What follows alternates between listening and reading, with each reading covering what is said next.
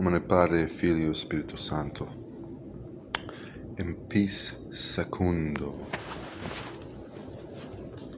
Psalm 1 Blessed is the one who does not walk in the step with the wicked, or stand in the way that sinners take, or sit in the company of mockers, but whose delight is in the law of the Lord, and who meditates on his law day and night.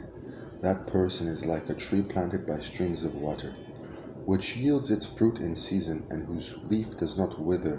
Whatever they do prospers.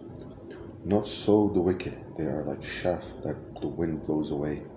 Therefore the wicked shall not stand in the judgment, nor sinners in the assembly of the righteous.